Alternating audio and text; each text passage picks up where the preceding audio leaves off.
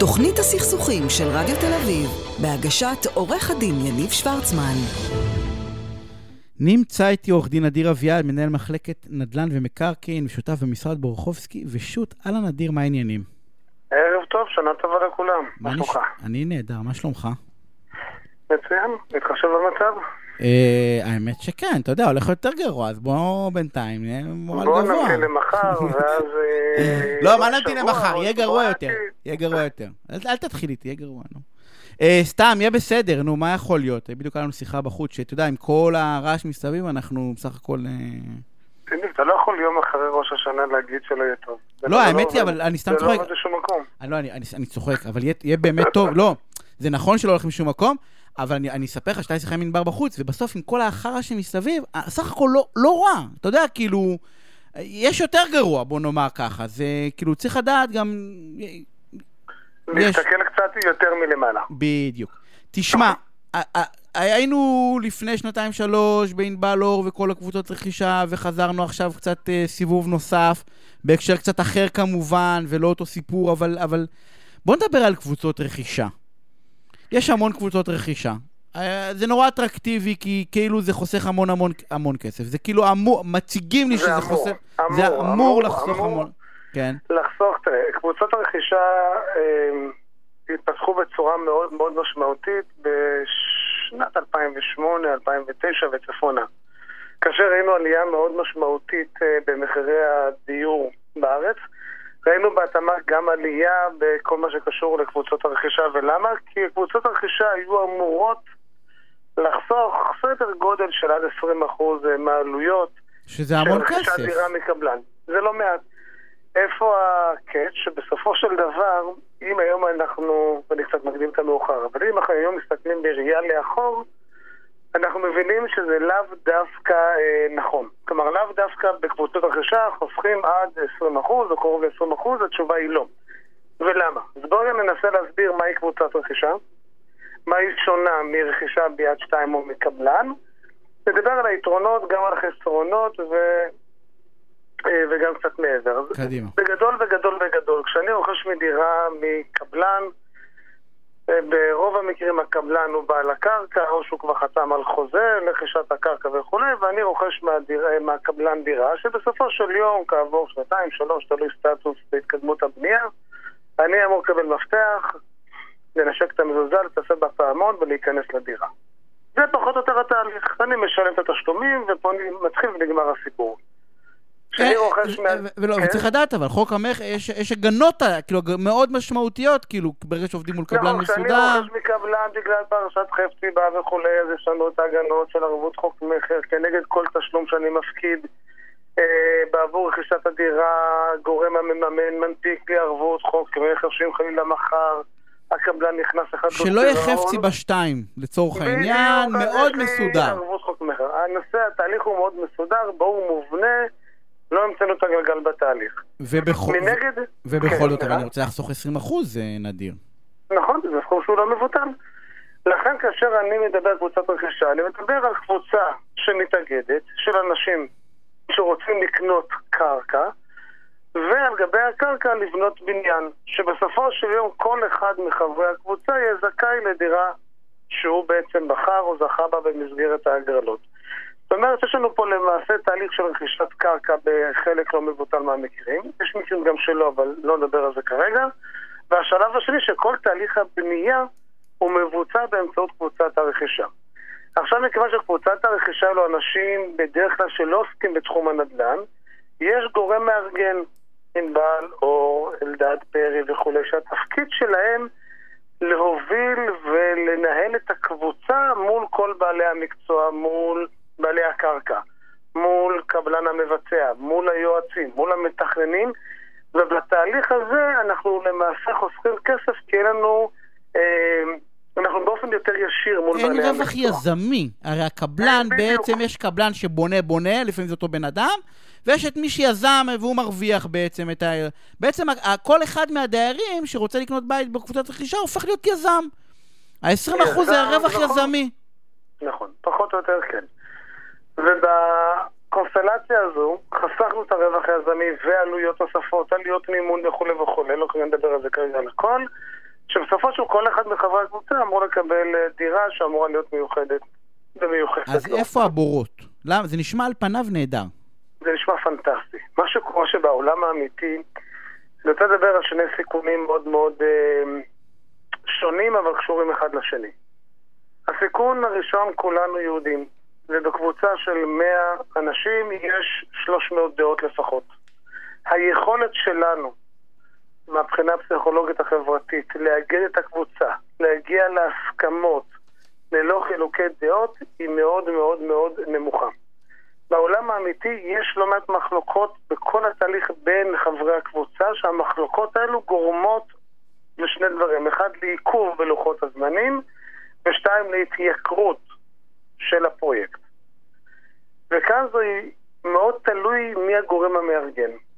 האם הגורם המארגן יש לו יכולת באמת לנהל את חברי הקבוצה, יש לו מספיק ניסיון עם בעלי מקצוע ועם חברי הקבוצה, כדי למזער את הקונפליקטים הפנימיים בין חברי את הקבוצה. הסיכון הזה, צריך לדעת, כל אחד שקונה בקבוצת רכישה, הוא לא קונה בית ב-20% פחות, הוא נכנס לעסק. ויש לו שותפים, ואתה בא ואומר, דעו לכם שהשותפים שלכם יכולים לריב איתכם, יש לכם הרבה מאוד שותפים. וכל ריב כזה יעלה לכם כסף.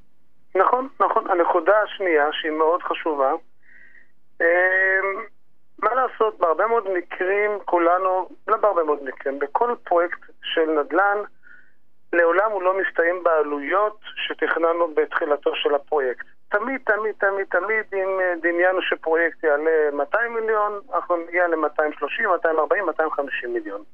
אותו דבר קורה גם בקבוצות רכישה. עכשיו, מה קורה, יניב? תחשוב שאני ואתה ועוד 80 אנשים יודעים שההוצאה הצפויה של הפרויקט לכל אחד מחברי הקבוצה היא, לצורך הדוגמה, מיליון שש מאות, בסדר? במסגרת התהליך אנחנו מבינים שצריכים להזרים עוד כסף כדי לקדם את הפרויקט. אבל מה לעשות, אין לי יותר ממיליון שש מאות. אני, היה לי ברור שאני אמור להשקיע מיליון שש מאות ולקבל מפתח מדינה. אין לי עוד להכניס עכשיו מאה אלף שקל. כי אם היה לי. עוד, אולי הייתי קונה דירה מקבלן, אבל זה הסיבה שהלכתי לקבוצת רכישה, כי אין לי עוד. בדיוק, זאת אומרת, הסיבה שבגינה נכנסתי לקבוצת רכישה, למעשה בסופו של דבר גורמת בלא מעט מקרים שלחברי הקבוצה אין כסף להזרים לטובת הפרויקט, ואז יתר חברי הקבוצה שכן יש להם את האפשרות, יש להם שתי אפשרויות, או לתבוע את חברי הקבוצה שאין להם את היכולת הכלכלית, או להוסיף על חשבונם את היתרה הנוספת, ובסוף הפרויקט להתחשבן עם אותם חברי קבוצה. וכך, וכך אתה- או כך זה ריב מובנה, קשוח ו... ו... ועל... ולא גדלים, אבל זה בתי משפט. נכון, זה מאוד מאוד ארוך, מאוד מאוד ארוך, וזה קורה כמעט בכל פרויקט של קבוצת רכישה. אין מה לעשות, זה כמעט תמיד קורה. כי זה בנייה וזה לא יהלומים, ופתאום אתה מגלה מי תהום, ופתאום אה, יש מי לא יודע מה, אה, לא, נכון. אה, הצפה, לא זוכר, יש כל מיני, שומע סיפורים על כל מיני דברים, שפתאום מעקרים את הפרויקט באופן משמעותי. נכון. יש לנו... כן, סליחה. יש לנו מה, תמשיך, יש לנו נושא נוסף שהוא קצת משפטי. קדימה. שאותו גם חשוב להבין. אבל בש- משפטי זה מורכב לאנשים, אז אתה יודע, משני אנחנו משפטים. אנחנו נעשה את זה מאוד קצר. ברגע שבן אדם חייב כסף, אה, יש אפשרות אחרי הליך משפטי אה, להטיל עיקול על הזכויות שלו, כדי לגבות את החוב. בסדר? אוקיי. באופן כללי נדבר. ברגע שיש לנו חבר קבוצה שהוטל עיקול על הזכויות שלו בקרקע שקנינו ביחד, זה פשוט מעכב ותוקע את כל הפרויקט. למה? כי אנחנו רכשנו את הקרקע ביחד. ו- אנחנו שותפים. ואז פתאום עושים דיספוז... עושים כאילו עוצרים את... יש כאילו מטילים על ה... על מטילים עיקול על הגבלות. הזכויות, בדיוק, על הבעל, על הזכויות של אותו בעל זכויות, אבל הזכויות שלו למעשה הם בשותף, בשותפות איתנו ביחד. ואז זה גורם לנו בעיות מול הגורם המממן, מול הקבלן, מול חברי הקבוצה, ויש פה הרבה מאוד סיכונים. לא, לא סתם היום אנחנו רואים בהרבה פחות קבוצות בנייה מאשר, קבוצות רכישה, סליחה, מאשר בעבר. מהסיבות האלו, כי בסופו של דבר, אם אנחנו מבצעים איזשהו, אה, איזושהי בדיקה, אנחנו רואים שקבוצות הרכישה הן לא כל כך משתלמות כמו שדמיינו לפני 10-12 שנים, בוודאי שלא. ולכן לפעמים עדיף לשלם בתחילה מול קבלן או ברכישת יד שנייה קצת יותר. בהתחלה, כן? בסוף מסתבר שאולי לא שילמנו קצת יותר, אולי שילמנו קצת פחות, לקבל את הערבויות ואת הביטחונות שטובים ושומרים על הכסף שלנו ויש לנו ודאות יותר גבוהה. אתה, אם אני צריך לשאול אותך, ובגדול, כי עוד פעם, אנחנו נמצאים, אתה לא, אתה, אתה היית ממליץ, לחבר, היית ממליץ לקנות בקבוצת רכישה? מאוד תלוי, מאוד תלוי. אם אני רואה ששיעור החיסכון אה, מאוד מאוד גבוה, יותר מ-20%, אני רואה שהקבוצה מארגנת, בעלי ניסיון, מוניטין, יש בדיקה אה, ראשונית של חברי הקבוצה. יש מנגנונים בין חברי הקבוצה לסיטואציות שעליהן דיברנו מקודם? אולי כן, אולי כן.